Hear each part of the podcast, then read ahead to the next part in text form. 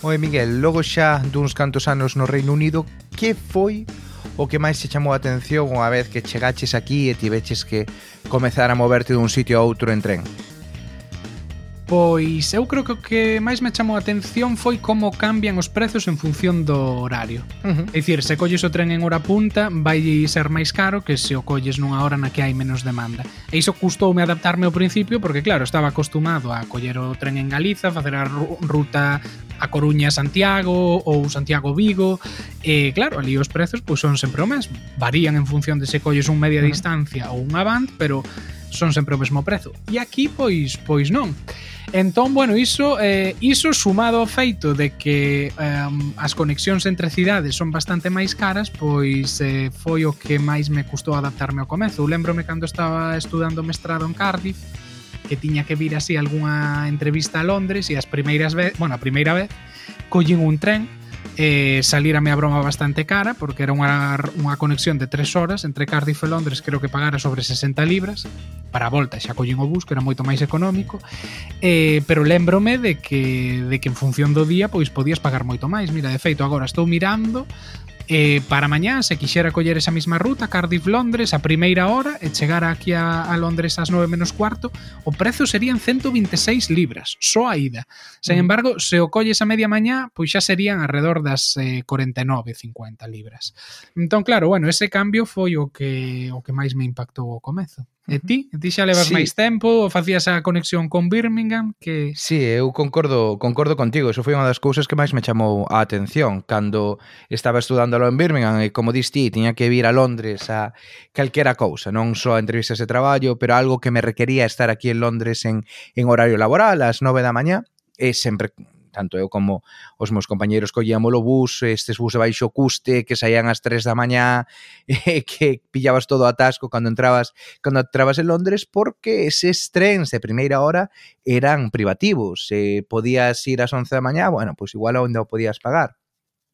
Pero, claro, a primeira vez que puiden coller un destes trens da mañá, alucinei. Foi un tren que me pagou unha empresa pois, para que viña a facer unha entrevista de traballo e eso daba gusto. Tiñan, eran modernos, tiñan enchufes, eran todo mesas, a xente toda traballando no, no ordenador, pero claro, eso xa estaba dirixido a outro público e tamén costaban costaban bastante. Pois esa foi unha das cousas que máis me, me chamou a atención e tamén che digo que nos trens tamén se ve moito a cuestión de clase, non só nese tren da mañá, non, no que van así xente máis profesional ou con máis de clase media alta, con máis diñeiro, senón incluso nas propias cidades. En Birmingham o autobús era unha, un medio de transporte moito máis popular, fronte ao tren ou, ou fronte ao taxi, e aquí en Londres tres cuartos do mesmo. As moita xente de clase traballadora só se pode permitir moverse en metro fronte bueno, autobús ou, ou o tren.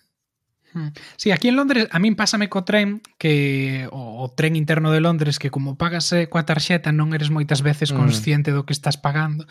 Despois a veces despois miras aí na aplicación do banco canto te canto che sacou uh, Transport for London, pero bueno, é certo que hai uns máximos o, do que gastas o día en transporte público en Londres, entón bueno, non é tan extremo o gasto como como se te moves entre entre cidades do do Reino Unido.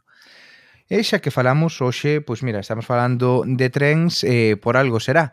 Eh, de que imos falar eh, hoxe, Miguel? Pois eh, falamos mm, de ferrocarril e pois da xestión pública e privada e da do exemplo mm, de como foi a privatización do sistema de trens aquí no Reino Unido. Dentro intro. About Brexit. What, what's that? Like... Put your flags away, you're leaving, and take them with you if you are leaving now. With the light, with the music, very welcome everybody here. You're joking. There's too much politics going on at the moment. Hi folks, I've developed mild symptoms of the coronavirus. The nose to the left, 432. Would you like a cup of tea? Yeah, sure. Go on, have a cup of tea. Thank you, thank you.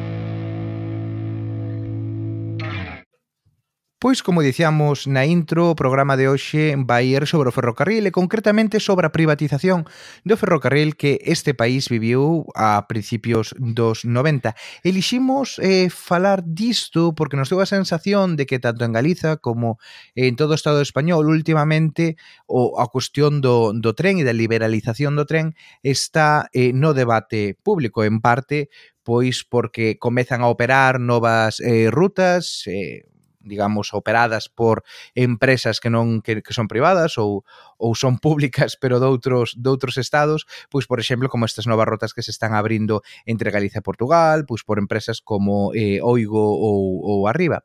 Eh, Cremos que o caso do Reino Unido pode ser moi paradigmático, non? De como un proceso de, de privatización pois, eh, do ferrocarril se pode, se pode levar. É un caso bastante único en Europa e, como sabemos, o Reino Unido en moitas cousas son bastante pioneiros e pensamos pois que paga a pena facer un pouquiño de reflexión, ver como comezou este proceso de privatización e tamén cales foron as consecuencias e cale a avaliación que se fai agora pois case 30 anos ou 25 anos despois deste, deste proceso de privatización. Así que a ver un pouquiño para ter contexto histórico. Miguel, cando comeza a privatización? Pois a ver, eu sempre pensei que isto fora cousa de Thatcher, como as grandes privatizacións deste país, pero non, até Margaret Thatcher non se atreveu a privatizar eh, o sistema mm, de ferrocarril británico que era público desde o ano 48. Eh, nacionalizou no o goberno laborista mm, de Clement Attlee, naquele entón, eh, pois había catro grandes empresas eh, privadas e, eh, bueno, pois baixo este goberno laborista se fusionaron e se creou a British eh, Rail que continuou a operar de xeito público pois todo o sistema de ferrocarril hasta comezos dos anos 90. Non o privatizou Thatcher, pero privatizou no John Major, o seu sucesor, que tamén era eh, un primeiro ministro conservador. E todo desatouse eh, un pouco a raíz dunha directiva europea que se aprobou no ano 91 un onde se eh, recomendaba ou se indicaba aos países que tiñan que dividir a xestión da infraestructura de ferrocarril da xestión dos operadores. Uh -huh. Entón, bueno, como aproveita... Renfe Adif, máis ou menos. Exacto, como Renfe Adif. Eh, aproveitando esa indicación eh, que viña de Europa, naquel momento no que o Reino Unido pois aínda era un membro da, da Unión Europea, pois o goberno de John Mayor decide eh, comezar eh, este proceso de privatización. Todo isto no contexto pois dun descontento descontento bastante grande con, con co servizo público, non? De ferrocarril, con como funcionaba, había moitos problemas pois de falta de puntualidade, de mala calidade no servizo, entón, bueno, pois o goberno conservador fai desta promesa de privatización unha das grandes eh, promesas de campaña. E no ano 93, pois finalmente privatízase. A grandes rasgos, logo entraremos no detalle, pero a grandes rasgos a, a venta ao privado eh, foi do seguinte xeito. British Rail controlaba desde as infraestructuras ata as locomotoras, os vagóns, as eh, a, e as rutas. Entón o goberno o que fai é trocear todo ese servizo en tres. Por un lado, que eh, divide a, a xestión da infraestructura, a xestión das paradas, das vías do tren, das pontes, da sinalización, que se vende a unha empresa privada que se chama, eh, bueno, se chamaba Railtrack. Ese servizo foi nacionalizado de novo a comezo dos 2000, logo contaremos o porqué, pero bueno, eso é unha parte que se privatizou. A segunda parte que se privatizou ten que ver co que aquí lle chaman o rolling stock, é dicir, a maquinaria rodante, é dicir, locomotoras e vagóns. Iso tamén se privatizou e agora mesmo está basicamente en mans de tres empresas en todo o Reino Unido que a súa vez están controladas por grandes bancos e fondos de investimento mm, de moitos países do mundo, non só británicos, moitos deles pois con sede en paraísos fiscais, a clásica historia do Reino Unido. E ademais disto, privatizouse o que son os operadores, é dicir, o que son as empresas que xestionan as rutas de tren, é dicir, que conectan unha estación con outra, unha cidade con outra. Aquí probablemente é onde está a parte máis complexa, pero tamén a parte uh -huh. máis sensible e a que pois eh, o cidadán máis nota no seu día a día porque son esas empresas coas que realmente pois lidian os usuarios. Entón, Duarte, como foi ese proceso de, de privatización desas rutas? Porque non estamos ante o caso de España que falabas antes de que hai un operador privado e entran outras empresas a competir. Uh -huh. É un sistema de franquías que é algo máis complexo que todo iso, non? non? Sí, pois como ti moi ben explicaches antes, había un gran operador público que era co que todos os eh, todos os consumidores e todos os pasaxeiros tiñan que lidiar. Entón o goberno que fixo foi ese gran operador, British Rail, dividiu uno en 20 20 pequenas franquías, 20 franquías que cubrían distintas eh, rutas e a idea era que cada unha destas franquías fose xestionada por unha empresa privada. É importante entender cal é o concepto deste de franquía, porque non é simplemente unha rota, senón que é un conxunto de rotas. É dicir, que unha das preocupacións que tiña o goberno conservador e por iso Margaret Thatcher tampouco quería privatizar o, o ferrocarril era un pouco reticente non a que, a que o sector privado entrase aquí, era que entendían que hai moitas eh, rotas ou moitas paradas que non son particularmente atractivas para un sistema ou para unha empresa privada. É dicir, se ti tes que ir a unha zona rural de Escocia a mm, recoller a 50 pasaxeiros, igual unha empresa privada pois non o quere facer porque vai ser deficitario pero os conservadores entendían que era importante seguir prestando este servizo, entre outras cousas porque nestas zonas menos conectadas ou peor conectadas era o zonas rurais onde tiñan un importante caladoiro de votos. Entón, para obrigar a que as empresas privadas eh, seguisen prestando servizo a nestas rutas máis deficitarias, pois o que fixeron foi nestas franquías empaquetar distintas rotas e unha combinación entre algunhas máis rentables e outras menos, pois para incentivar, non, que as distintas empresas privadas pois quixesen xestionar eh, estas estas rotas e o goberno pois mm, fixaba algunha obrigatoriedade pois de, de paradas e, e de servizo que había que había que garantir. Claro, para eh, facer un paralelismo con Galiza que para entendelo para entendelo mellor coa realidade que temos ali, sería algo así como se Renfe pois de repente decide privatizarse deste mesmo xeito e se crea unha franquía que asuma pois o mellor a conexión Coruña-Santiago, que vai dar beneficios, pero tamén a conexión o mellor Coruña-Betanzos, que o mellor esa da perdas, non? Claro. E o mesmo acontecería pois o mellor coa conexión Santiago-Vigo, eh, que ao mellor tamén tería que asumir eh, Vigo ou Carballiño, se existira algo así, que o mellor esa da perdas, non? Sería algo así. Exactamente, esa, esa é a idea. Pero a diferenza do que pasou co, co infraestructura ou cos, eh, ou cos vagóns e a maquinaria, Eh, neste caso non se limitaron a venderlle, digamos, esta, este territorio a unha empresa, senón que esas empresas tiñan que facer unha solicitude de xeito competitivo e despois premiábaselles pois coa xestión desa franquía durante un período un período de tempo. Eh, lembremos que, claro, eh, as locomotoras e os vagóns non serían propiedade desta empresa, tampouco había, entón esta empresa tería que alugar eh, o, o equipamento e tamén había pois a estas outras empresas e tería capacidade de xestionar algúns elementos eh, do, pois digamos, da oferta que se fai ao público. Terían certa capacidade para fixar prezos, certa, porque o goberno tamén o controlaría, e terían tamén unha pequena capacidade para modificar os horarios, pero sempre con autorización do goberno e poderían facer, pois, bueno, campañas de marketing, mellorar a xestión, mellorar algo o servizo que se dá eh, nos trens, etc, etc. Para iso sí que terían eh, capacidade pero é algo bastante controlado e bastante orientado por parte do, do goberno, non? Este sistema este sistema de, de franquías. Mais ou menos, é así como eh, como está dividido eh, e como funciona. Non sei se se me quedou algo algo no tinteiro. Non, claro, é que foi un modelo un modelo polémico que mesmo os eh, conservadores nos documentos internos que tiñan, eh, pois deseñando isto, recoñecían que probablemente non era a alternativa máis eh, pro competición porque realmente non daba moita marxe para que as diferentes eh, empresas privadas que quixeran optar a unha franquía poideran claro. competir, non? Ou estar todo tan tan delimitado. Realmente só tiñan marxe pois en cuestións de marketing, de, de, de o mellor pois facer unhas campañas máis intelixentes para atraer a máis viaxeiros e por tanto aumentar os ingresos e despois por como funcionaba o sistema de franquías tiñan a posibilidade de eh, pois ofrecer uns obxectivos financeiros mellores, no sentido de prometerlle ao goberno pois que isto vai dar hmm. máis ingresos ou que a liña esta vai dar menos perdas do que che estaba dando ata agora, é dicir, venderlle o rollo de comigo vas facer máis cartos ou polo menos vas perder menos. Pero iso sempre está baseado tamén nunhas estimacións que de, de viaxeiros que o mellor, bueno, despois moitas veces non se cumpliron, non?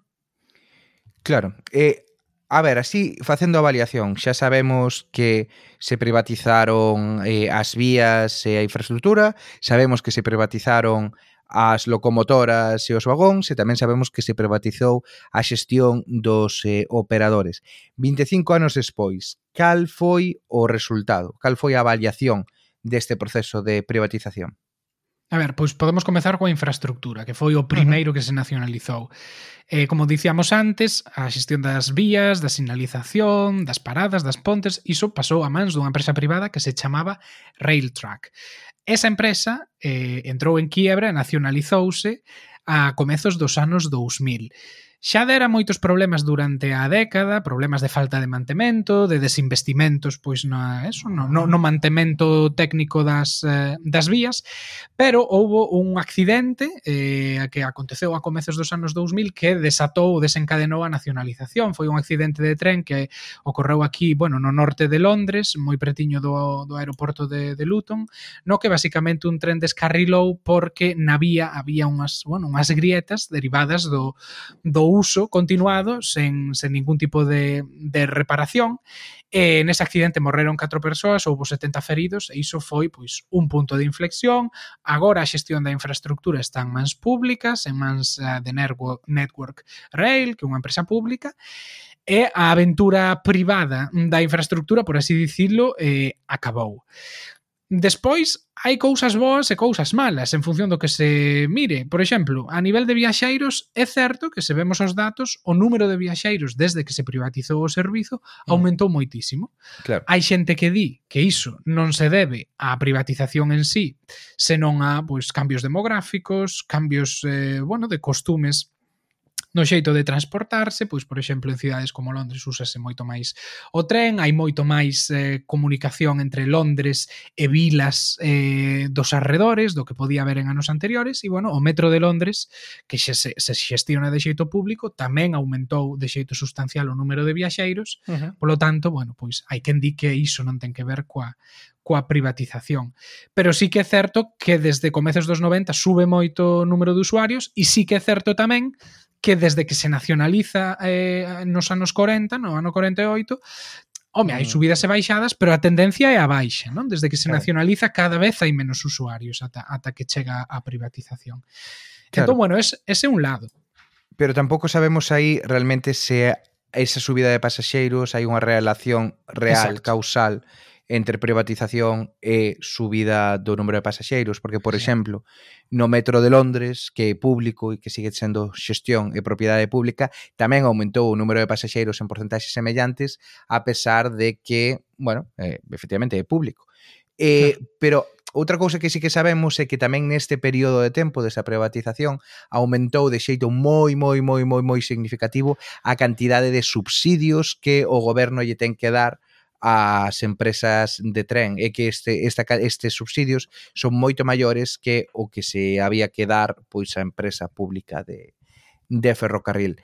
E tamén neste período aumentaron de xeito moi significativo o, os prezos. De feito, o tren, como falábamos antes, non ao principio na intro, tamén ten un punto que pode ser algo algo elitista, non polos prezos que ten, particularmente a determinadas a determinadas horas. Entón, digamos que o resultado da, da privatización aí eh, ten cousas que se poden sacar como positivos, o caso da xente que saca peito pola subida de pasaxeiros, pero tamén hai outra serie de cuestións que eh, poden ser negativas. Pois o, o, neste caso, subida dos prezos ou a, ou a cantidade de subsidios públicos que a fin de contas se, se lle tivo que, que dar. Pero que opina? Cal é a opinión pública? Que quere, que quere a xente agora respecto ao seu ferrocarril?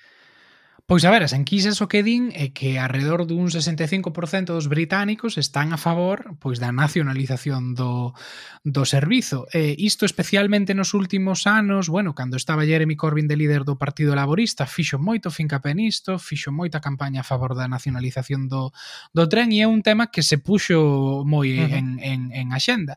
E, e é certo pois que as enquisas amosan que sí que hai un, apor, un apoio cara á nacionalización. Hai un caso eh, dunha unha liña de que, a que conecta Londres con Edimburgo, uh, a East Coast Line, que, que é moi paradigmático e é un, bueno, un pouco un exemplo da, de como funciona o modelo. Aquí está unha liña que fun, a franquía estaba en mans dunha empresa privada inicialmente, eh, National Express. Esa, esa franquía, esa empresa non foi quen de cumplir cos obxectivos eh, financeiros eh, que prometera o goberno e en base aos cales se mm. lle deu a franquía.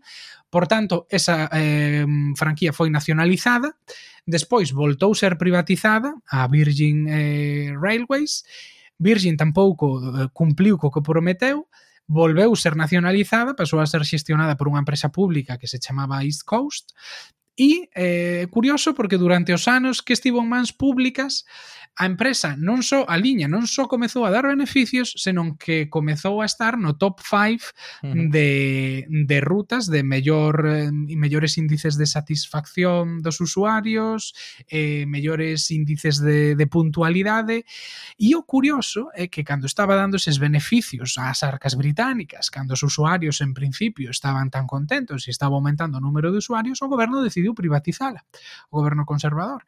Eh, e claro, isto abriu un debate sobre sobre cal é, a, cal é o sentido desto, que sentido ten que se temos unha empresa pública que está facendo ben o seu traballo, que, que, que pase a mans privadas para que haxa unha empresa privada que saque beneficio. E isto, bueno, eu creo que activou un pouco o, o, o debate e a discusión sobre sobre a necesidade de, de nacionalizar, porque claro, aquí hai que ter claro unha cousa non existe unha, unha compañía pública como Renfe que compite coas privadas. Uh -huh. Existen nestes casos cando a franquía fracase pasa a mans públicas, é dicir, cando a empresa privada non deu feito o seu traballo. Entón, claro, moi, moita xente o que plantexa, mesmo algunhas voces dentro do Partido Laborista, é que sen necesidade de chegar a unha nacionalización total, de que haxa unha sola operadora pública eh, no mercado, podes chegar ao punto de ter unha operadora pública que compita co resto de privadas e que, es, e que lles diga, oiga, En caso de que non fagan o seu traballo, hai aquí unha operadora pública que pode encargarse deste negocio eh, perfectamente. Uh -huh. Entón, claro, bueno, pois pues este sí que sí que un tema que nos últimos anos está está gañando pulso e eu creo que tamén o tema da COVID axudou, non? Porque a efectos sí. prácticos cando deixou de haber viaxeiros, nacionalizouse o sistema ferroviario. Sí, claro, porque evidentemente os compromisos eh, financeiros que as empresas privadas asumiron para obter estas franquías iban a ser absolutamente imposibles de cumprir nun contexto pois, no que a xente tivo que quedar na casa. Entón, na práctica, digamos que o goberno, entre aspas, aboliu, eh, digamos, este sistema de franquías e pasou a xestionar, máis ou menos, ou a financiar os, os, os trens. E claro, neste momento, pois, eh, hai cuestión dunhas semanas, publicouse un documento, un, pois feito unha, polo, polo goberno no que facían unha proposta para unha nova regulación e unha nova xestión dos eh, do sistema ferrocarril. É algo que se levaba traballando nisto pois varios anos, porque se entendía que o sistema de franquías non estaba funcionando, ou seja, cada vez hai máis que que, que fracasan e que hai que nacionalizar, cada vez hai menos empresas solicitando eh, ou que querendo participar nestas franquías, entón había pois bastante ah, bueno, pois bastante consenso en que este sistema non estaba funcionando. Entón, en que vai consistir, digamos, esta nova proposta do Partido Conservador? Evidentemente, ainda hai moito que fiar, é simplemente unha proposta, unhas ideas, pero eh, sí que vemos unha serie de de liñas comuns. Por unha banda, hai unha vontade de crear, digamos, un organismo público que axuda a regular ou a controlar todas, eh, todas estas pequenas eh, liñas eh, rexionais. É dicir, un dos problemas que calquera pasaxeiro que quixese facer unha ruta entre varios entre varias cidades se, se atopaba e que a veces era moi confuso, tiñas que mirar moito o teu ticket, que compañía estaba operando eh, esa ruta, incluso trens que podían sair máis ou menos á mesma hora, un operado por unha liña ou por unha eh, empresa, outro operado por outra, se entrabas nun o teu ticket non valía, e tiñas que pagar unha sanción, era algo bastante bastante complexo e bastante lioso. Entón, hai unha vontade vontade de que haxa un organismo regulador que sirva para armonizar, digamos, todas estas diferencias. E a maior é unha das propostas que se fixo, que está por ver se finalmente vai adiante, é eliminar o sistema de, de franquías tal e como funciona agora e manter un sistema máis clásico de concesións, co, que, co cal eu creo que en Galicia no Estado español estamos máis familiarizados, é dicir, o Estado pagaralle a unha empresa X unha cantidade de diñeiro por operar unha, unha ruta e xa está, chispun, non hai que facer mm, conseguir ningún obxectivo financiero, tes que operar esta ruta, telo que operar con determinados criterios, evidentemente tes que tes que ser puntual, evidentemente tes que dar o servizo, pero págaseche por facer eso xa está. Este é o sistema, por exemplo, que existe en Londres para algúns eh, formas de ferrocarril lixeiro que non son eh, o metro, que non son eh, que o metro, como sabemos, é eh, público, por exemplo. Se algunha vez veces estivechedes en Londres e collichedes unha cousa que se chama o London Overground, que é pois, un tren que vai por riba, en vez de parecido ao metro, pero por riba da, eh, da, da superficie. Eso utiliza un sistema parecido. O DLR tamén en Londres, que é un sistema de metro lixeiro que hai polas antiguas zonas portuarias, tamén eh, é, unha, é unha concesión. Entón parece que queren implantar eh, este modelo para, para o resto do país. Pero bueno, está aínda por ver. A efectos prácticos é un modelo pois máis parecido á típica concesión municipal de limpeza das rúas ou de xardinería que podemos atopar en calquera concello uh -huh. de Galiza, basicamente. Sí. ¿no? Pero bueno, aí realmente a, comp a competencia só está no proceso de, eh, selección. De, de, de selección e de oferta claro. pública, no cal ti intentas eh, pois pues, a, a, a conseguir ese contrato ofrecendo menos menos cartos, pero tampouco é un sistema de libre mercado, ni moito menos. Claro. Claro. Pero bueno, eh, a diferenza do que acontece co, cos trens británicos, aquí non te congotas para disfrutar de todo o noso contido, non tedes que estar atentos á oferta e á demanda, a se suben as tarifas ou deixan de baixar, porque aquí temos un sistema de Patreon con catro modalidades de subvencións, onde, de subvencións, de, subvencións, de no. suscripcións. No, no, non nos subvencionamos non nada, subvención, vos subvencionades nos a nos. Nin nos subvenciona. Pois eh, con un sistema de catro modalidades de suscripcións que non cambian, mira, xa nin, nin os adaptamos a inflación, levan así desde que comezamos co, co Patreon e bueno, pois se decidides pagar, eh, pois eh, podedes obter un servizo da máxima calidade e acceder a todo o noso contido exclusivo que sacamos eh, dúas veces eh, o mes. E, e tamén, pois, a parte do noso merchandising en función do, do que paguedes. Así que xa sabedes que se estades interesados en comprar o noso billete, podedes ir a www.patreon.com barra con gotas e facervos socios do noso podcast. Música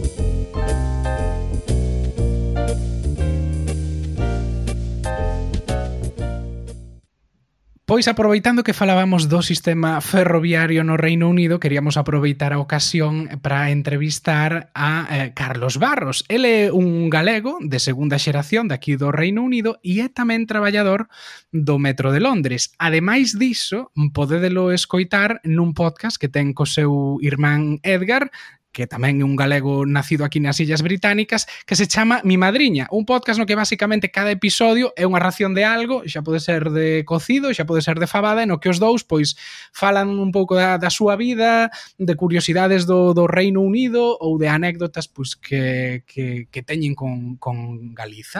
E é moi interesante porque falano cun galego cun acento british moi curioso, pero vamos, se vedes a progresión da soltura que teñen desde o primeiro episodio episodio último notaredes que, que practicando cun podcast en galego tamén se mellora moitísimo a fluidez a hora de, de falar en galego. Carlos, que tal? Hola, que tal? Bueno, Imos falar eh, do voso podcast, imos falar de como é iso de manter o contacto eh, coa nosa lingua, pero antes de nada, e para acabar un pouquiño co bloque así máis ferroviario deste episodio, teño que preguntar pola túa faceta como conductor do, do Metro de Londres, porque dubido que haxa moitos eh, galegos eh, traballando aí. Como, como chegaches a ser eh, eh maquinista do metro? Pois sí, eu Subín ao metro o ano 2000 como traballador do Estación, estaba sen traballo e busquei o tiña tiño a opción de dos correos o, o do metro. E resulta que a aplicación do correo perdeuse nun correo, así que só quedoume co, co metro. Empecé nunha estación preto á casa, que estaba ben, iba para casa, miña nai cocinaba cada día para, para min. E despois de un ano um, saleu o traballo de maquinista e o ano 2000, ano 2001 xa salín como conductor do, da, da liña Piccadilly e uh -huh. a, listo.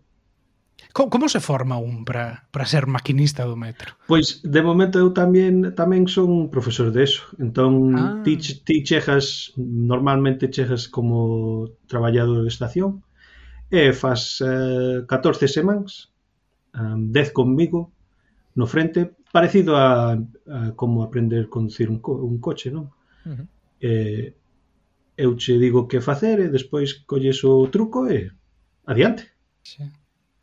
Bueno, e traballas, claro, no metro de Londres, e, como xa comentamos, os nosos ouvintes saberán a parte anterior de, deste programa, e, a diferenza do que dos, do, do resto de, de trens do, do Reino Unido, o metro de Londres aínda é, é público, Houve algún intento de privatización que ti vivises ou do que foses consciente?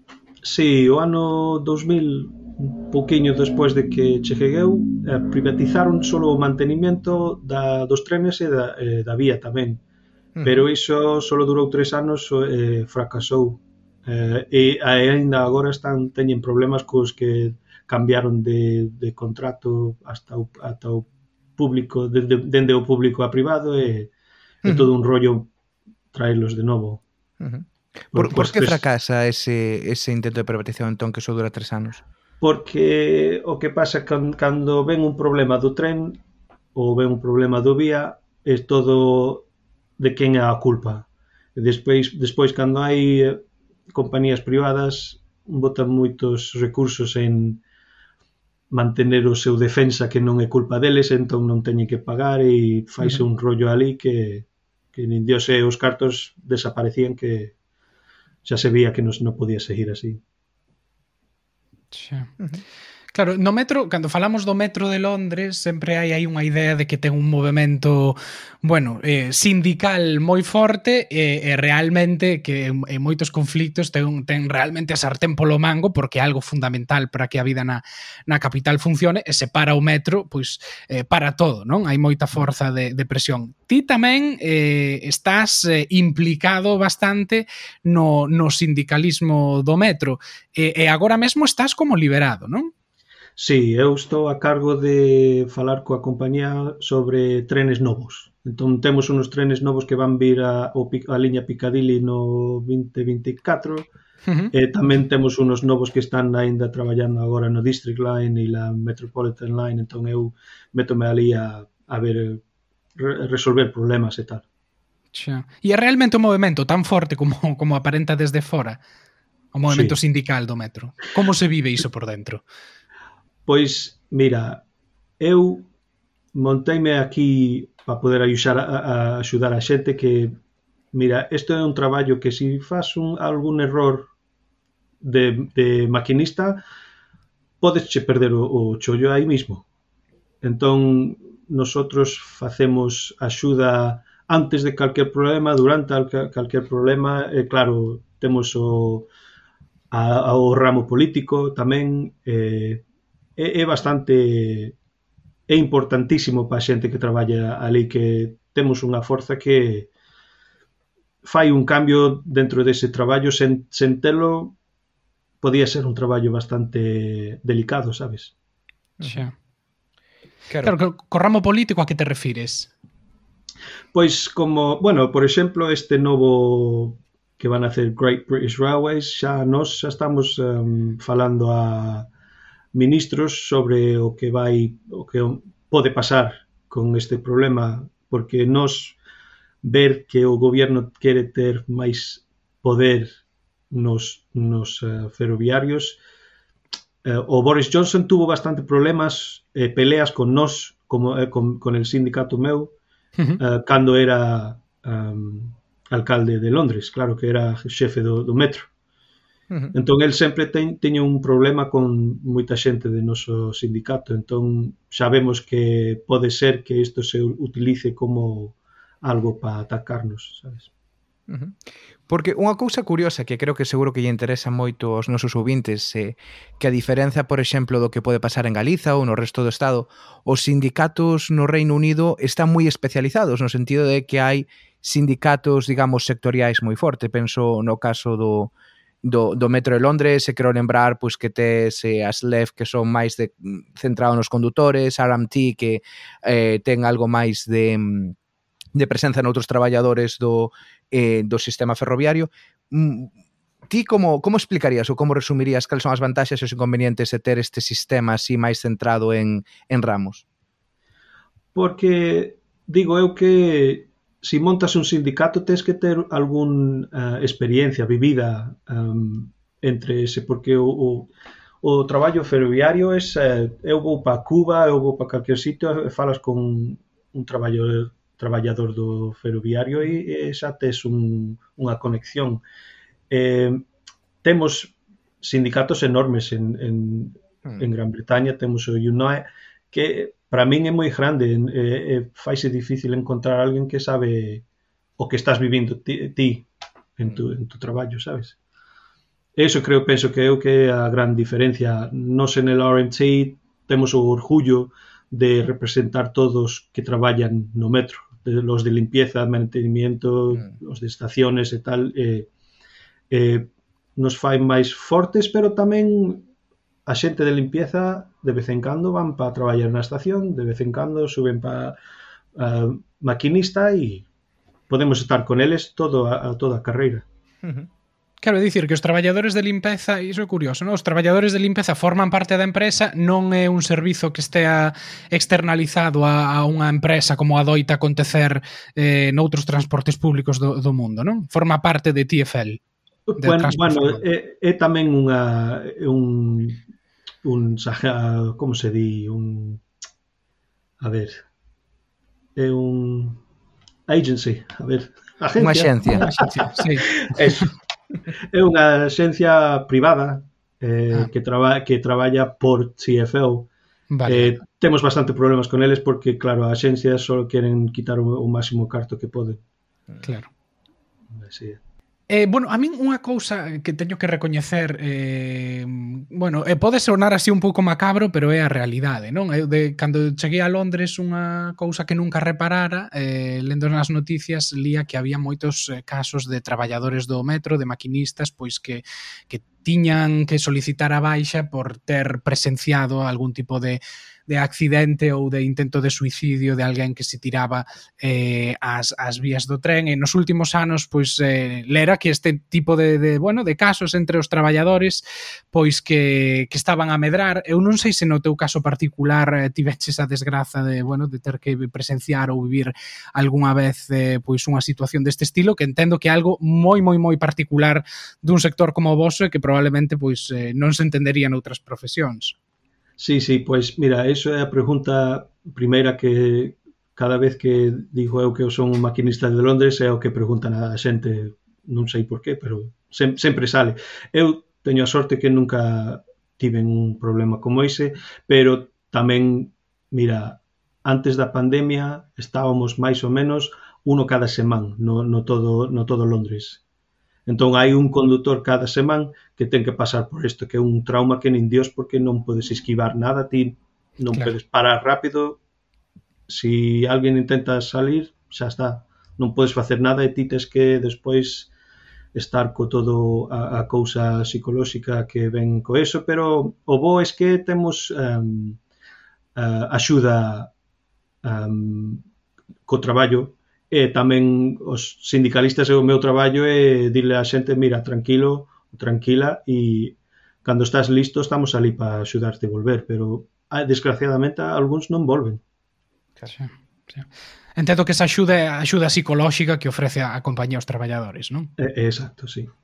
Bueno, e xa movendo un poquinho máis, eh, cambiando un poquinho máis de tema, eh, ti és un deses galegos que xa naceron no, no Reino Unido, entonces algo que, que a nos nos sorprendeu moito é como Como decides eh, montar un podcast en galego? Pois pues tendo en conta que, tam, que, que, que naciches aquí, que viviches aquí toda, eh, toda a vida, de onde sae esa motivación para para reconectar con, con Galicia eh, e, pois, e apostar polo podcast? A miña aboa, que xa, xa non está con nós, pero ela sempre falaba en galego e cando falaba a min, falaba en galego e paraba e decía a meu pai, el non me entende, este non me entende. E eu eu entendí, entendía, pero non, non me atrevía a falar, sabes? Entón, chegou a, a, a pechada e, mira, dille a meu irmán, mira, queres practicar un pouquiño? Eu, cando de copas, canto un, algo de arroda ou que sea, encántame como sona a nosa lingua e tal, e, bueno, pregunteille, e el di que sí, e, e resulta que el, o que quería el, e non ter que usar o castelán para chegar ao galego porque nos falamos, pensamos en inglés, que nacimos aquí, eh, para pa falar en galego ten, timos que traducirlo a castelán e despois a galego. E, entón, parte do cousa de facer este podcast, de facerlo cada 10 días para que se normalice, é pasar de castelán e dereito a galego que o castelán para que o uso. Se eu se vou para España, vou para Galicia. E xa está, eu non, non, claro. de verdad non, non necesito o castelán. Porque ti na casa que lingua falabas aquí? Eh, o inglés e o castelán? Onde, onde aprendes eh, ti o Pois escoitando, nada máis. Non, non fun a ningún clase, non fun a, a, a nada. Escoitalo por osmosis, nada máis. Claro, ademais no teu caso ten o doble de mérito porque es fillo de pai galego e a túa nai é boliviana, non? Non é que o mellor pois eh, se foras o típico fillo que escoitaba os pais falar os dous en galego na casa, imagino. No, no, no piso en Fulham onde nacimos nós non non había moito galego, menos na radio, no, nos, nos discos, na máis. Xa, xa. E o teu contacto con Galicia cando vides así, bueno, ides así habitualmente a ali, eh, a, bueno, imagino que antes da pandemia, non sei se faciades o esforzo pois de, non sei, ir pasar ali todos os veráns polo menos un par de semanas ou cal era así o teu contacto co, co país? Pois, mira, dende de, de, eu penso que foi unha primeira vez con tres meses. Eh, cada verán hmm. estábamos seis, seis semanas, sete semanas, oito semanas. Ademais, se nosos pais non podían coller os vacacións, mandábanos. So, sós. Uh -huh. Chegábamos a, a Santiago, estaba un tío, unha tía ali, e raspa casa. Entón, cada verán estábamos ali, íbamos a Bolivia cada cinco ou seis anos, que é máis caro, e E foi así, despois al casarte, ter isto ou outro, facíanse menos veces, pero aínda íbamos cada par de anos, sabes? E así é. Eh? Claro, eh, xa pensando en, en futuras eh, xeracións, como ves a posibilidade de pasarlle o galego tamén aos, eh, aos fillos e para que se pois, continúen Eso sí que é un problema enorme para min, que miña ex esposa é irlandesa, e meus fillos non, non falan non falan castelán e moito menos o galego. Entón eu teño un gran problema que xa son bastantes vellos, xa o, o meu fillo ten 18 anos. Eh, cada ano que pasa máis, máis faise máis difícil para darlle o galego, pero o que fajo eu é sempre teño a música, sempre teño a radio, sempre, sempre teño podcast como os teus, eh, postos na, no coche cando estamos viaxando, lo que sea, e eh, a ver, a ver que tal. Pero o mellor escollelos cando son pequenos porque así o fan máis fácil, non? Claro. E bueno, ti como xa como curiosidade, como galego de segunda xeración, eh, como ves eh, un pouco o xeito en que se organiza a comunidade galega aquí, eh, ou bueno, iniciativas como tamén a do colexo do, do Cañada Blanque que, que dan aulas de, de galego, eh, que, que, que opinión che merece un pouco todo o que se move en torno á comunidade galega aquí en Londres? Pois eu sempre sabía que había comunidade galega como, como eu, xente no colexio, que estábamos no colexio en Fulham, timos moita xente galega ali, pero os pais falaban entre eles en galego, os fillos en inglés, como era máis fácil o que sea. E eu agora de, de adulto, digamos, um, e, tes que buscalos, tes que buscar a comunidade que está ali. Ah, non é como cando chegou o meu pai vir a, a Portobelo e xa está todo listo, xa está todo montado. Tes o bar ali, tes o restaurante ali, tes, podes encontrar traballo ali. Um, xa, non, xa non é así para min que eu xa teño traballo, xa teño sitios onde fajo a movida e tal, eh, pero para buscalo, sabes, fun a uns cantos cousas de rega aquí en Londres e eh, estou me metendo un pouquiño máis e máis, sabes, xa que teño un pouquiño máis tempo que os, os rapaces xa están xa, están, xa teñen menos eh, necesidade para o seu pai. Xa, xa, xa pode pasar por ali. Hmm. Moi ben, pois eh, con esta reflexión quedamos, Carlos Barros, moitísimas grazas. De nada, de nada, grazas a vostedes. Pois ata aquí o podcast de hoxe, agardo que mm, vos gustase. Se, se vemos que isto do, dos trens ten, ten algo de, de impacto e que a xente o escoita, pois igual vos ameazamos con que podemos facer outro sobre os autobuses, que eso aínda ten máis tela porque está, eso sí que está privatizado e liberalizado, e iso sí que é rei da selva por aí por Inglaterra adiante. Pero bueno, depende e do probablemente do que probablemente houbera tamén máis paralelismos que facer con, con Galiza. É posible, é posible, é posible que sí, pero bueno, eu estive escoitando moito sobre os buses esta semana e a verdade é que quedei quedei blanco con algunhas cousas que pasan eh, por Inglaterra teante. Pero bueno, eso xa é poñelo carro diante dos bois, polo de agora pechamos este, este programa, E, mm, eso, como sempre, moitas grazas, seguídenos nas nosas redes sociais, suscribidevos ao noso newsletter, e ide a patreon.com barra tecongotas e ao facedesnos aí unha, unha doazón, suscribidevos, que vos lo agradecemos moito, e senón, pois nada, xa nos escoitamos nun par de semaninhas.